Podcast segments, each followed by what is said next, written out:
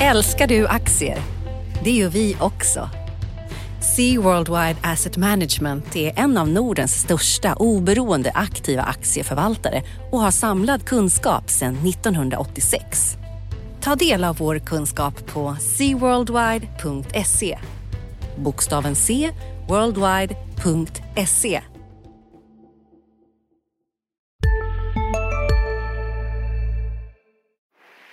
Börsen är en viktig del av dagens industris innersta kärna.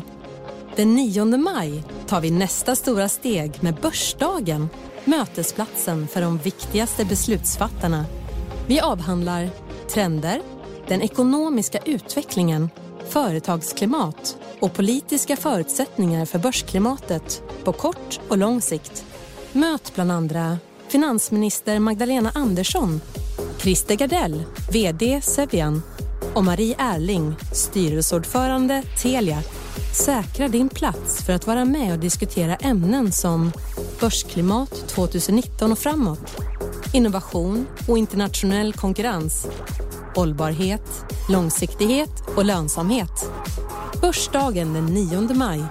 Läs mer och säkra din plats på di.se konferens. Analyspodden från Dagens Industri.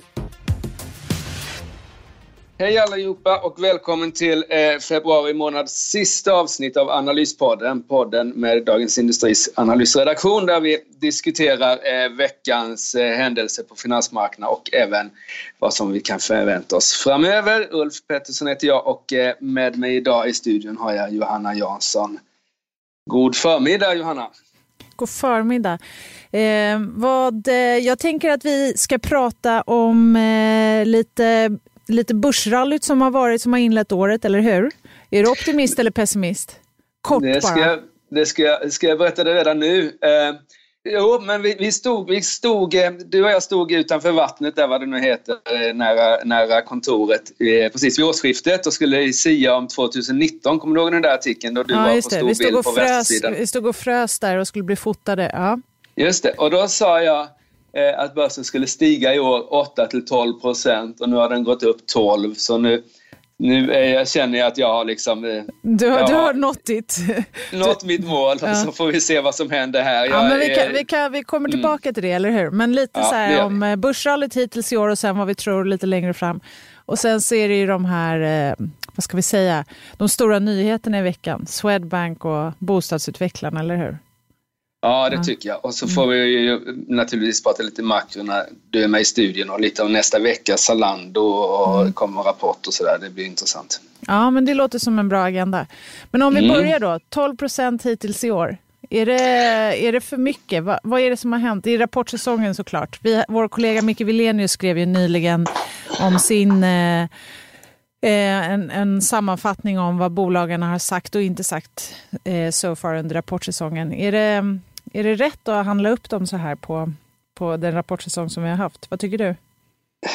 Ja, alltså man får backa bandet några månader tillbaks och eh, skälet till att vi har haft 12 procent upp här på två månader, knappt två månader, är ju att vi här var 14-15 procent ner under fjärde kvartalet. Så det, dels är det en rekyl eh, och den rekylen beror lite på att börsen blev ganska billig där mot slutet av fjolåret. Eh, räntorna har gått ner, har bidragit till att stärka börsen. Vad det gäller Stockholmsbörsen så har den svaga kronan bidragit till att stärka eh, Stockholmsbörsens eh, börskurser. Och sen har vi haft rapportperioden som jag tycker var eh, eh, ja, den var väl, jo men i förhållande till vad vi befarade så var den bra tycker jag. Nu har i och för sig marknaden sänkt vinstprognoserna för 19 efter rapporten har kommit med 1,5 procent men jag tror att det låg betydligt mer oro i, i korten. Alltså jag tycker att eh, de här verkstadsbolagen framför allt eh, Eh, de, förutom de som håller på och säljer bilar i Kina så var det ändå hyfsat optimistiskt tyckte jag och det tror jag lugnade det marknaden lite eller vad man ska säga. Finns det, ibland så tänker jag så här, och det, så kan det vara även lite för makro, det, att eh, där vi, i läget vi är just nu, där alla säger att ja, det är otroligt osäkert och mer osäkert än vanligt för det är så mycket eh, politisk osäkerhet och liksom konjunkturell osäkerhet och strukturell osäkerhet med liksom omvandling i flera sektorer.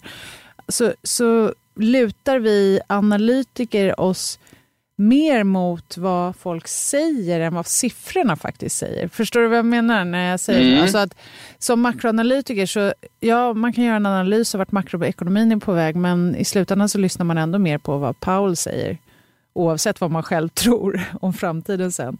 Och som bolagsanalytiker, lyssnar man för mycket på vad bolagen säger, de brukar inte vara jättebra på att se de här vändningarna komma. Väl? Nej, ja, det kan nog vara så faktiskt. Eh, eh, om vi tar det lite märkligt att man gör det med tanke på hur bolagen... Bolagen var ju de som verkligen missade, missade finanskrisen. Alltså det var ju långt in i halvåret, till och med tredje kvartalet 8, 08 som de såg en god marknad. Trots att liksom börsen hade börjat vika redan eh, sommar 07 och, och ja, egentligen kom det en första smäll i februari 07 men den, den glömde vi bort och så kom det på riktigt då i januari, februari. Sen så höll det på liksom och sen så smällde det på riktigt med Lehman mm. där. Men, och eh, eh, räntemarknaden var ju snabbare än aktiemarknaden och eh, aktiemarknaden var snabbare än bolagen kan man säga. Så visst, varför ska vi då lyssna på vd här? Men Ja, likväl, det är väl de som man tror har bäst insyn och man får väl kanske inte bara lyssna till dem utan man kanske får också följa pengarna lite grann. Att, att en VD som är superoptimistisk men som ändå inte köper aktier efter, en, efter ett bokslut kanske man ska liksom... Hans ord kanske inte, eller hennes ord väger kanske inte lika tungt som någon som verkligen tankar aktier här. Så jag tycker att insiderstatistiken kanske är en viktig delkomponent i det här. Vad säger den hittills då? Men den säger hittills tycker jag att, att eh, ja du vad säger den? Eh, jag tror att insiderhandeln eh, Alltså nettoköpen är lägre nu än vad de har varit tidigare, så det är en liten varningssignal. Jag tänker en annan grej som man kan tänka på vad bolagen gör, och, eller vad de säger i relation till vad de gör, det är om de faktiskt vågar investera och vågar använda mm. sitt kapital. För de, är, de svenska bolagen är inte särskilt högt skuldsatta, de har ju en bra kassa här. Ja, nej, ja. ja. precis. Och det, det kan ju kanske du bättre, men visst är investerings invester, investeringarna på en ganska låg nivå? Eller? Ja, alltså de har inte varit, eller de har varit länge på en låg nivå. Det här är ju det här blir ju eh, kruxet här framöver. Vi kanske återkommer till det senare här i podden, lite mm. mer om trenderna på längre sikt. Men om man faktiskt vågar börja investera eller om den här konjunkturuppgången kommer av sig innan den knappt, knappt hann börja. Mm. Men om vi tar det här, bolagen var tycker jag liksom, de var ändå att marknaden var hyfsat god. Det var väl någon, det var Atlas Copco som sänkte utsikterna och det var liksom på håret. De sa att vi hade lika gärna kunnat behålla dem, men i övrigt var det liksom okej. Okay. Och jag menar med de här låga räntorna, säg att vi får en, och det verkar ändå som att vi får ett 19 blir ett år med stigande vinster och lägger man till liksom den här svaga kronan då så bör det bli vinst för bolagen aggregerat eh, kanske en vinstökning på 5% eller något sånt där, 6 och då, då kommer ju börsen stiga på det för räntan, är, räntan har ju gått ner, alltså den är ju jag träffade en fastighetsmagnat igår och han lånar, lånar upp till under 1 procent. Eh, det är klart att om, om börsen eh, ändå ger 5% vinstökning då kommer ju börsen stiga med, med de otroligt låga räntor vi har nu. Mm. I år också. Men nu ja. har den stigit 12 procent så jag är inte sådär, jag är inte liksom jag är inte superoptimistisk till börsåret med tanke på den här... Jag tycker det påminner lite om 18 helt enkelt. Då hade vi också en bra start på börsen och sen så fick vi en rejäl sättning eh, under våren. Och sen så eh, steg den under sommaren och sen så fick vi det stora fallet i oktober. Jag tror det kan vara något sånt där också i, i år faktiskt. Mm. Och det var ju det som var poängen då jag refererade till Micke Wilenius artikel här i början eh, vår kollega som då har gjort den här genomgången. Hans slutsats är ju också att det är lite oroväckande när börsen går så här starkt i början på året. För tittar man historiskt så när börsen är upp med eh, med över 10 procent, då är sannolikheten för en börsnedgång under resten av året över 50 procent. det, har varit, eh, det har varit lite, lite märkligt tycker jag. Vi har haft en uppgång då på 10 12 procent här men om du tar sista veckorna så har det varit ganska små dagliga rörelser nu. Alltså mm. vi är upp jag tror börsen har stigit 9 av 10 dagar men liksom det är inte och sådär. Men det är ganska små uppgångar nu och det där är en, skulle jag säga, jag vet inte riktigt vad det beror på för skulle det vara så här, en sån kraftfull börs så borde liksom börsen stiga mer per dag på, eller röra sig mer per dag på något sätt. Men ja, det är lite, ja, lite, lite svårtolkat men jag, jag är inte jag, jag hade jag liksom varit någon slags stor fondförvaltare så skulle jag inte köpt aktier idag utan jag skulle avvaktat ett tag här. Det känns som att mycket inhämtat. Mycket av den här nedgången vi såg, hela nedgången i stort sett. En del av råden som vi publicerar här på di.se har ju varit att för, som småsparare att man ska faktiskt ta, fundera över om man kan ta hem vinster på de här nivåerna. Ja, lite, lite grann tror jag. Sen så är det det här, liksom, det kan man ju prata om, ta hem vinster och sånt där, men något som är något som är farligt som aktiesparare det är ju att helt lämna marknaden för det är väldigt lätt att du aldrig kommer in igen. Alltså. Mm.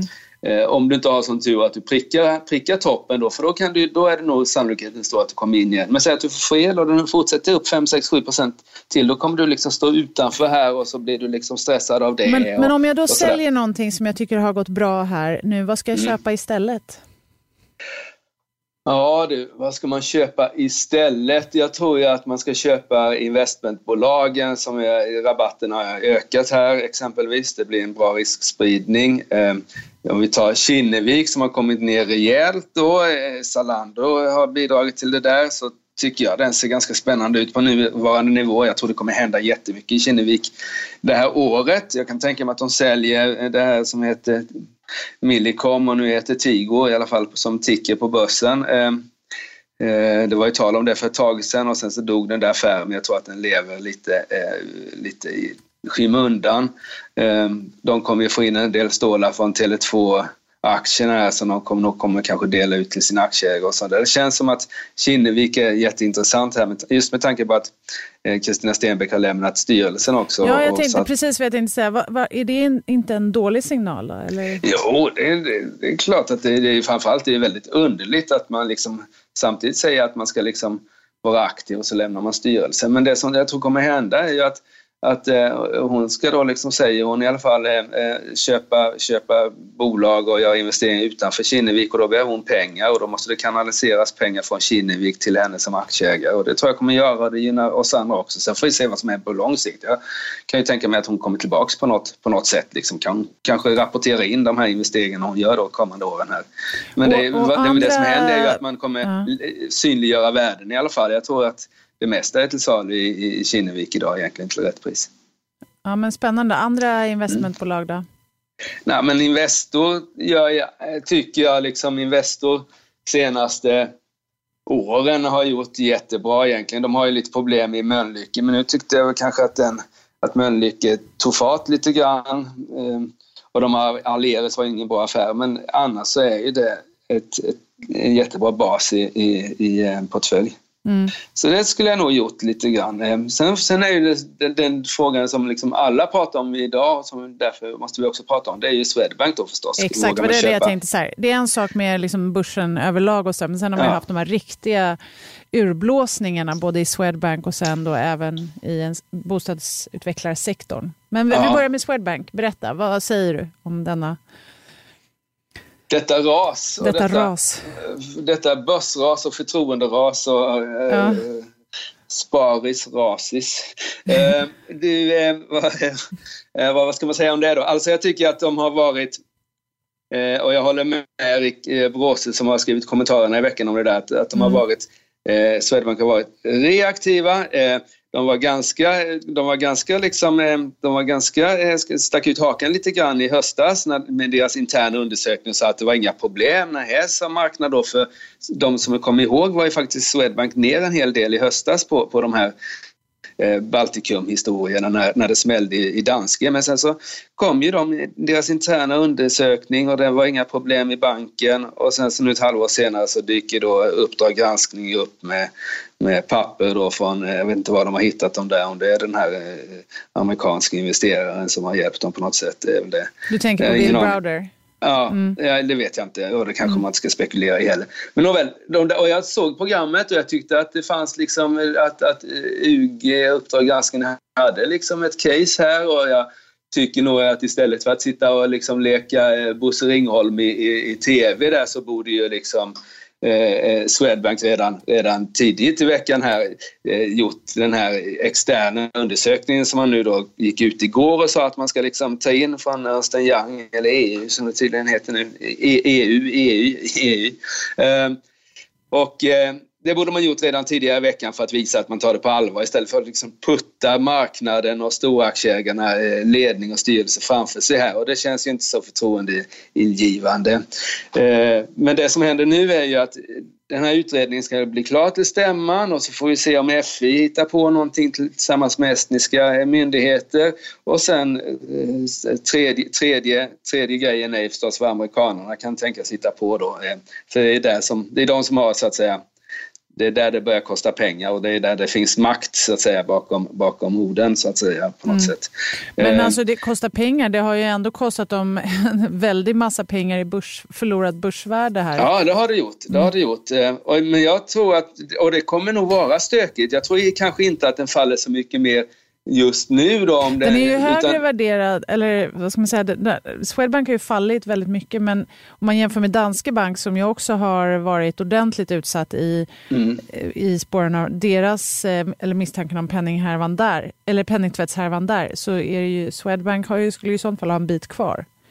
Jo, det har de. Alltså, men klart att Danske Bank är ju, de har ju då redan slopat sin utdelning, de har mm. reserverat 30 miljarder för eventuella böter och i mm. marknadens bedömning kanske ligger 60-70 miljarder i amerikanska böter plus andra böter eventuellt.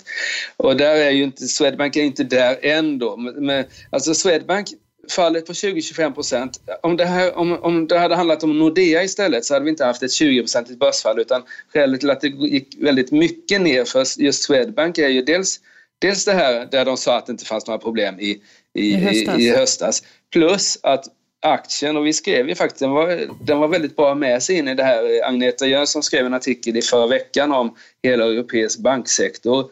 Och där var ju Swedbank Europas högst värderade bank sett till eh, bokfört värde då, alltså eget kapital i banken. Och det är mm. klart, det gjorde att fallhöjden var mycket högre. Tar vi liksom Nordea som väl knappt värderas till bokfört värde så hade inte den fallit 20-25% på det här. Den hade kanske fallit 8 eller 10. Mm. Så lite av att, lite att det blev extra mycket i Swedbank berodde på att den var ganska högt värderad i förhållande till bokfört värde. Mm. Ja, det kommer ju såklart inte blåsa över i första taget. Uh. Vad ska man göra, vad ska man göra med, med Swedbank-aktien då? Om man inte äger några Swedbank-aktier och är liksom har en normal riskprofil så tycker jag man ska avvakta. Eh, äger man mycket Swedbank så det är liksom en väldigt stor del av portföljen så tycker jag man ska ta ner risken genom att sälja lite. Men är det så att säga bara en, en mindre del så tycker jag man ska behålla för det här känns som ett läge där som det brukar heta när man inte har något bättre, bättre att säga. Eh, det är too late to buy and too early to, to, to sell. Eller vad säga, det är för Tvärtom. tidigt att köpa. ja. Precis, det är för sent, det är för tidigt, det är för sent att sälja, för tidigt att köpa, så heter ja. det.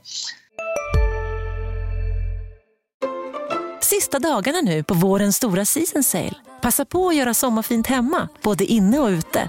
Och fynda till fantastiska priser. Måndagen den 6 maj avslutar vi med Kvällsöppet i 21. Välkommen till Mio. CSRD, ännu en förkortning som väcker känslor hos företagare. Men lugn, våra rådgivare här på PWC har koll på det som din verksamhet berörs av. Från hållbarhetslösningar och nya regelverk till affärsutveckling och ansvarsfulla AI-strategier. Välkommen till PWC.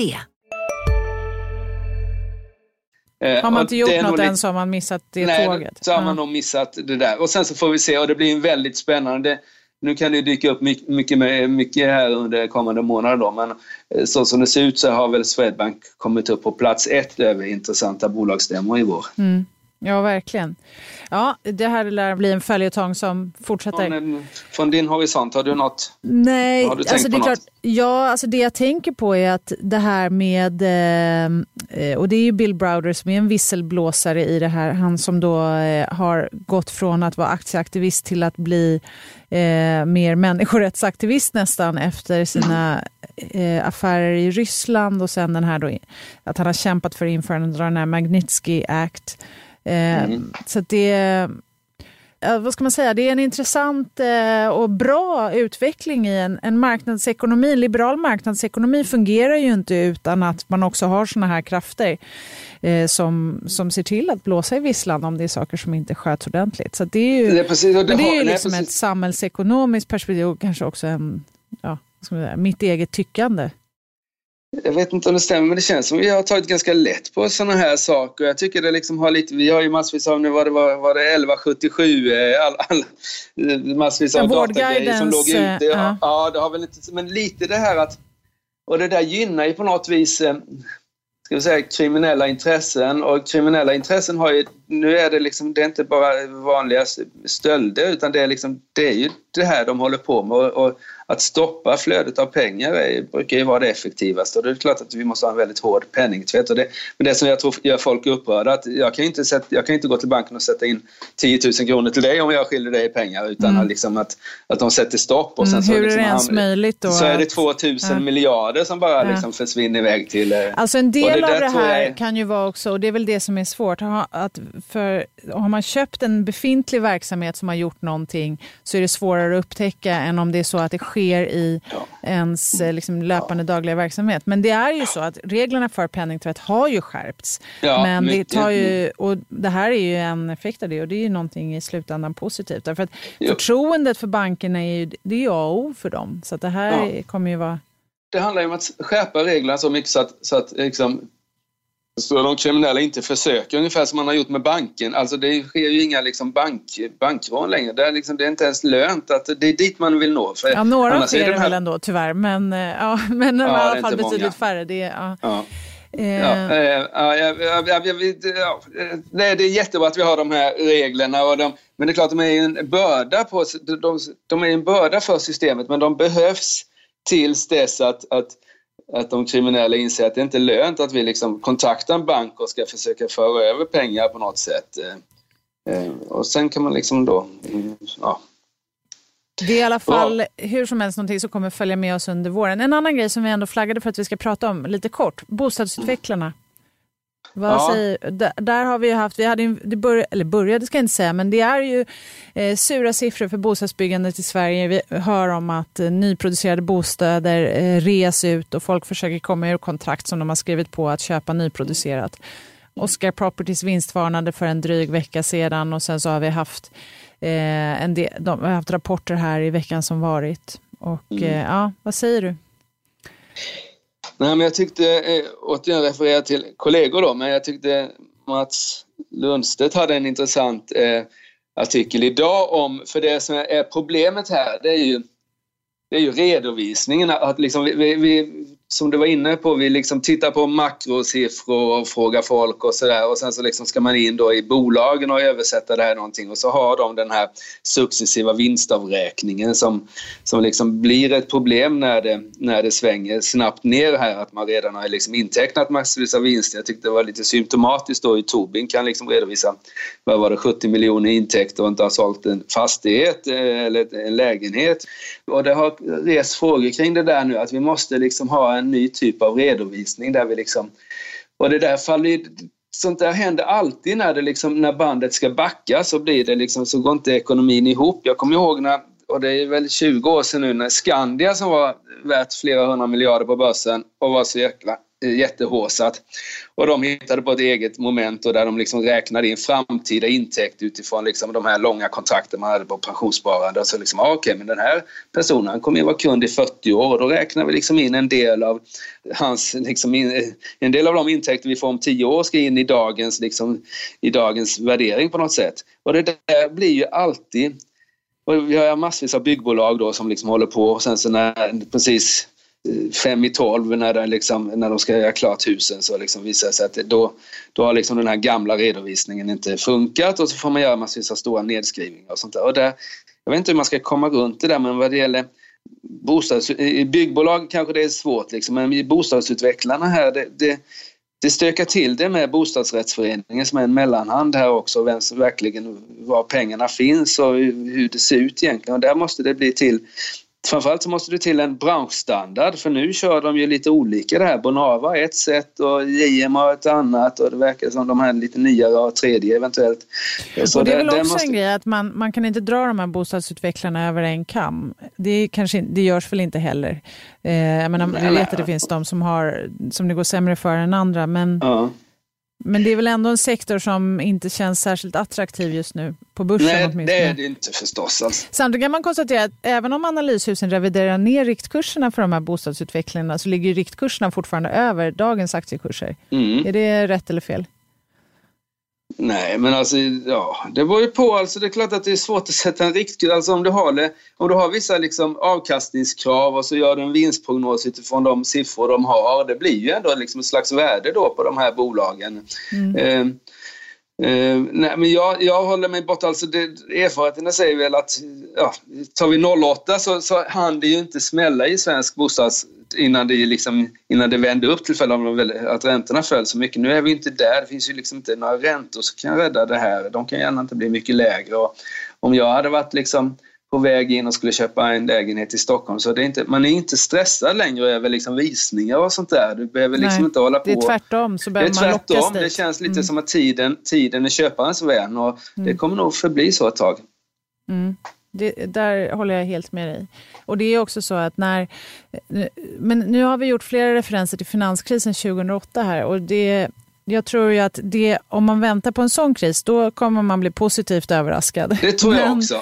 Det tror men, jag också. men däremot så är det ju klart att det är en avmattning på gång, både i Sverige och omvärlden. Så ska vi bara, innan vi går över och pratar om nästa vecka, vad tror du egentligen om börsen på lite längre sikt? Nu så, under året, nu flaggade du ju för att du var nöjd med, eller nöjd med din prognos om 12 börsuppgång ja, har ju redan infriats. Den, den, den men börsen ja. brukar ju inte ligga still ändå. Nej, det gör den inte. Det, det, är, liksom, det är det enda man vet att det gör den inte. Och, liksom, och, och det är så ty typiskt tycker jag, liksom, alltid så fort vi får ner den här VIX som, räknar, som beräknar rörelserna då på marknaden i USA på S&P 500? Ja, 500. man kan räkna ja. i Sverige också. Eh, eh, och då så blir, går den ner lågt och sen så ligger den där och då vet man nu kommer någonting hända. Som, alltså marknaden vill ha rörelse på något sätt. Man säger att marknaden vill ha lugn och ro men marknaden vill också ha rörelser. Ja, för det, man tjänar pengar på volatiliteten. Man tjänar pengar på rörelsen och då mm. dyker det upp rörelser. Ja, eh, som sagt vad är medellång sikt?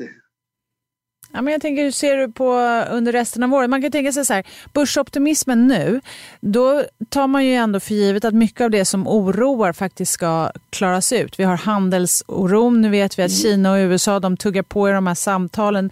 De kanske kommer komma fram till något, någon typ av avtal och sen så har vi hela brexit-trasslet. Det börjar ju faktiskt, det är ganska nära. Ja, det är bara en månad kvar. Mm. Det är bara en månad kvar och det är en rätt jag menar, det är en väldigt stor grej ja. för utsikterna på längre sikt. Alla de här orosmomenten finns ju fortfarande kvar. Och sen så fick vi nu i veckan inköpschefsindex som trillade ner i tillverkningsindustrin under 50 för liksom Europas mm. draglok Tyskland. Mm. Alltså jag, det, känns, Nej, det, det är det, ingenting som har vänt till det bättre och ändå så är börsen inne på att prisa in någonting. Känns det som att det ska vända här mot andra halvåret 2019. Ja. På något sätt. Precis, till det bättre, vad, alltså. det? Då, är man väl, då tror man väl på att handels... Jag skulle säga att marknaden har prisat in att Trump och, och Xi Jinping kommer, kommer överens. Kanske inte liksom mm. sista mm. februari som var sagt, det är bara en vecka kvar, utan lite längre fram då, men att, att det kommer någon slags... Gör det inte det så är marknaden ner. Brexit tror jag att eh, där finns nog kurspåverkansmöjlighet både upp och ner. Så att säga. Där är man nog väldigt osäker om, om, om vad som händer.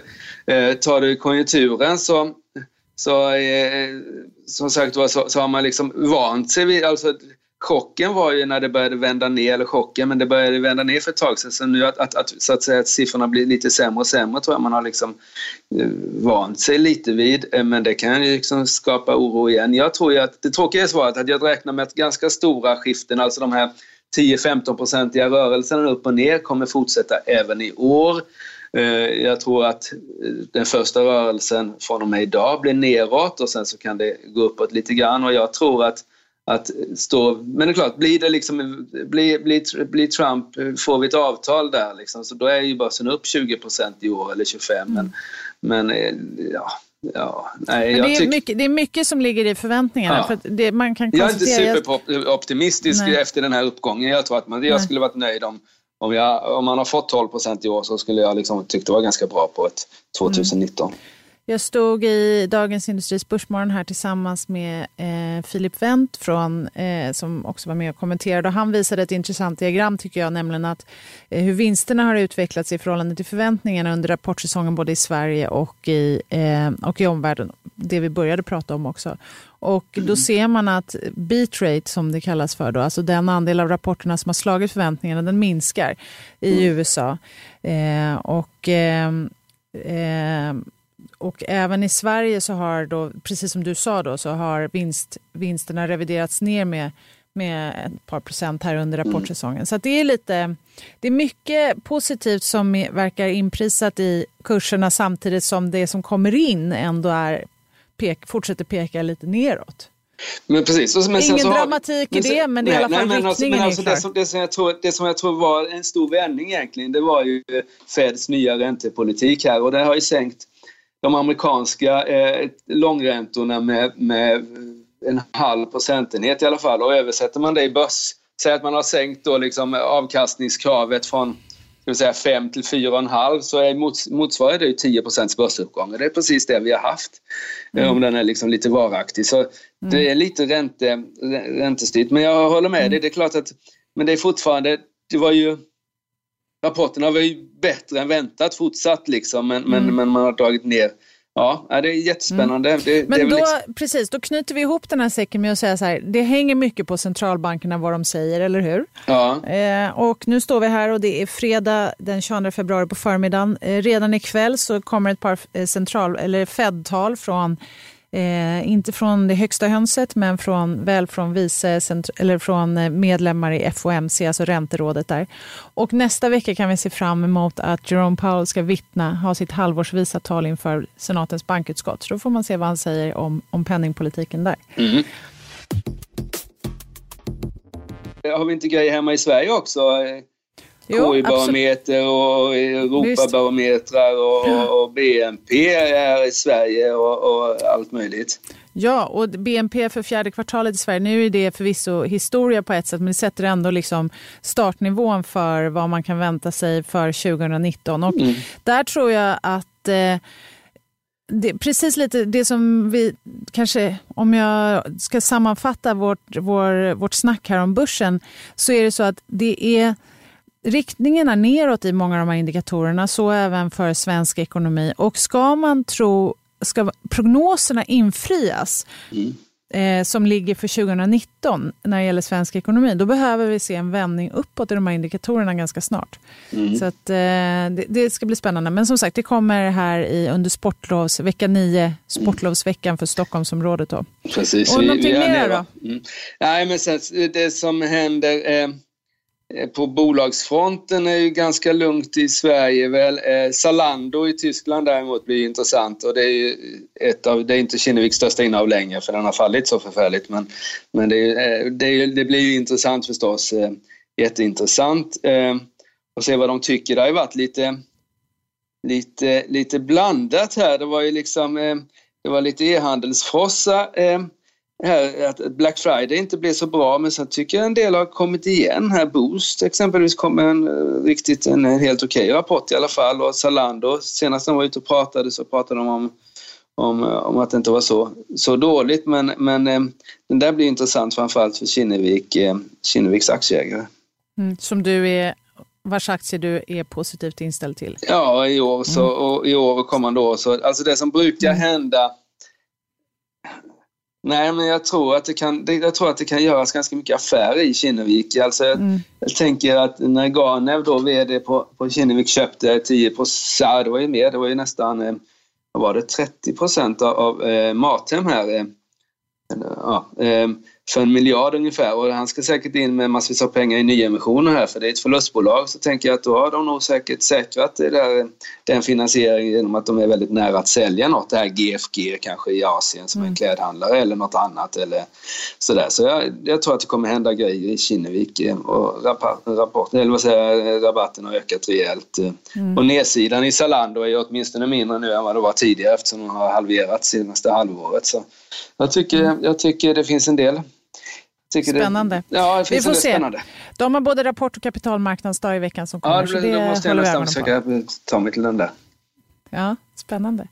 Men du, tills dess så önskar jag dig och alla lyssnare en trevlig helg. Tack detsamma och eh, eh tack för att mm. ni lyssnade. Och om ni är sugna på fler poddar så har vi ju Makropodden och vi har eh, Digitalpodden och vi har podden Förnuft och känsla. Så ni har att göra hela helgen. Eh, och se till att vara ute lite också i det fina vädret. Mm. Tack så mycket. Tack. Analyspodden från Dagens Industri. Programmet redigerades av Umami Produktion. Ansvarig utgivare Peter Fellman. Börsen är en viktig del av Dagens Industris innersta kärna. Den 9 maj tar vi nästa stora steg med Börsdagen mötesplatsen för de viktigaste beslutsfattarna. Vi avhandlar trender, den ekonomiska utvecklingen, företagsklimat och politiska förutsättningar för börsklimatet på kort och lång sikt. Möt bland andra finansminister Magdalena Andersson, Christer Gardell, VD Sevian och Marie Erling, styrelseordförande Telia. Säkra din plats för att vara med och diskutera ämnen som börsklimat 2019 och framåt, innovation och internationell konkurrens, hållbarhet, långsiktighet och lönsamhet. Börsdagen den 9 maj. Läs mer och säkra din plats på di.se konferens.